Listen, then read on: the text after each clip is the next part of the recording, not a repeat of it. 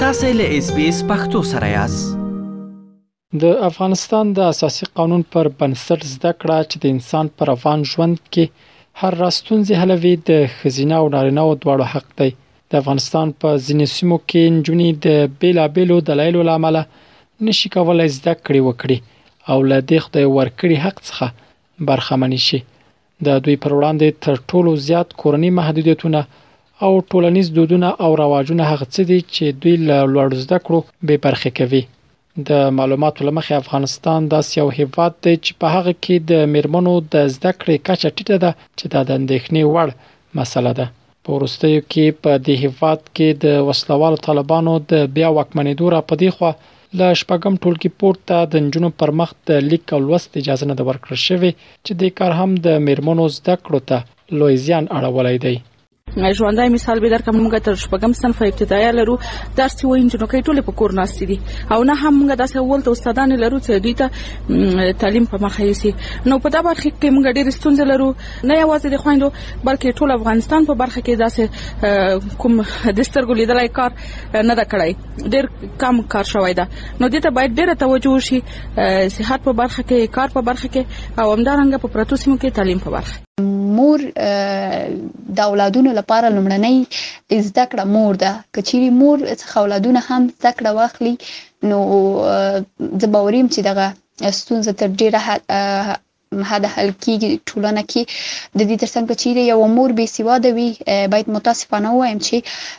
د هغوی سره د مثلا د اولادونو ارزښت د دې ترڅنګ د زده کړو ارزښت ورته نور وسایلو په ارزښت باندې نه پوهیږي د افغانستان په لرو پرتو سیمو کې بیا له پخوا څخه د ناامنیو او د یو شمېر افغان کورنیو د بې ځای قیدګرۍ لامل نجونې ښوونځیو ته نشي تللی په داس حال کې چې دوی له لیک او لوست سره د پام وړ علاقه درلوده په افغانستان کې هغه میرمنو چې زده کړې نه دي کړي او اوس له کوم ستونزو سره مخ دي له اسپیس رادیو سره په خبرو کې په دې اړه داسې وویل تعلیم مې نه دی کړی ډېره سخته او ډېر مشکلات دي ماته زما لورګانې زما زامن ټول بې سواده دي میړم بې سواده زه بې سواده مونه ډېره هیله لرم زه ډېره پرما خپه یم مال چې تا په موږ تعلیم کړی او تا په موږ هغه کړی دا حال په مې ولې کله د میړه کار مې کله کار نه قلارې کور کې ناسي دا کار وکړه هغه کار وکړه چې وظیفه و مثال تعلیم مې کړی ما تعلیم کړی هغه په خپل وظیفه تل زه په خپل خو مشکلاتونه هم ډېر دي اوس یو کار هم نشته او په مدرسه مې د بچو پاتې ده، مکتبونه یې پاتې دي او هر شي ارمانجن یم، خو وسه مې نه کېږي چې ویې کړم، څه به وکړو، خپل خېټې ته حیران یو، ماښام ته حیران یو چې موږ خدای څه وخورو او غد مې نور یو خورزو او ورېرونو چې کړي دي، هغې هغه دی ښه دي. او ما چې نه دی کړی، نو زه مور ته هر وخت ښېرې کوم چې مور تا په موږ نه دی کړی او خو زه وایم چې زه په خپلو بچو کوم، خو زه د ناره شپه تېروم، خو زه په بچو تعلیم کوم. زه بې تعلیم که لور او که زوی بې تعلیمه نه پرېږدم نو نه بیا مې بې سبقه پرېږدم مې بې مکتبه پرېږدم خپل مکتبونه هم پرېږدم سبقونه هم پرېږدم په افغانستان کې د ښځو لپاره د نیکمرغۍ او کامیابۍ لاره د هغو لیک او لوست دی باسواده مېرمن د خپل کورنۍ په اقتصاد کې د ماشومانو په سالمه روزنه کې د چار چاپیریال خلکو سره په چلند کې له هغه خزو وړاندې وي چې زده کړې یې نه دي کړي، خو له بده مرغه په افغانستان کې یو شمېر مېرمنې خو له بده مرغه په افغانستان کې یو شمېر مېرمنې بیا له لیک او لوست څخه لرې پاتې دي، خو په دې ډله کې یو شمېر مېرمنې بیا په دې باور دي چې په ښوونځیو کې د ښځینه ښوونکو نه شتون د دې لامل شوی چې یو شمېر کورنۍ خپل اولادونه ښوونځیو ته پرېنږدي. اوس یو خزینه استاد نه درلوده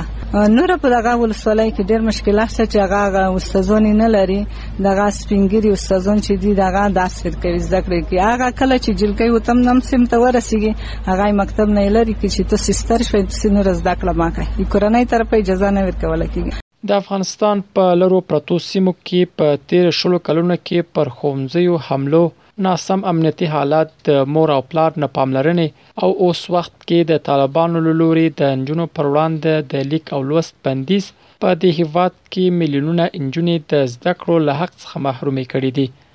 د کابل پوهنتون د ژبو او ادبیاتو یو ښځینه ښوونکې بیا په دې اند ده که چیرې یوه ښځه باسواده وي، د دې پوهه له دې سره مرسته کولی شي چې په خپل کورني مسایلو کې مثبت بدلونونه راولي. که چیرته یو ښځه باسواده وي، د هغې خپله پوهه د هغې لپاره مرسته کوي چې د دې کورني ژوند مسایلو کې مثبت بدلونونه راځي یو دویم دا دی چې د دې ماشومان چې د تعلیم د درس او د دې لپاره کول شي چې هغه سره همکاري وکړي او تشویق کړي درس ورسره وایي یعنی کمک ورسره په هر لحاظ کول شي دا یو دویمه مسله چې زمونږ په ملک کې چې د ورستۍ او څلويختو پنځوس کالو کې دغه فقر او بیچارهګي په دې وطن کې زیاته دغه شوې ده نو دغه باسواده میرمن کولی شي چې د خپل نارینه سره څنګ کې په اوګه په اوګه د کورنۍ اقتصاد سره یعنی په ګټه تمام شي د یادولو دا چې په افغانستان کې یوازې زده کړې نه دي چې افغان نجونې ترې بې برخې ساتل کیږي بلکې په دې ټولنه کې ډېر نور رواجونه هم شته چې له امله یې ښځینه طبقه کړېږي چې ځینې بېلګې یې کورنی تاوتریخوالی، په بدو او کم عمر کې د نجونو ورکول هم شامل دي. رحیم الدین اوریاخېل، ایس بي ایس راډیو، افغانستان. که غواړئ دغسې نورې کیسې هم واورئ نو د اپل پوډکاسټ، ګوګل پوډکاسټ یا هم د خپلې خوښې پر پوډکاسټ یې واورئ.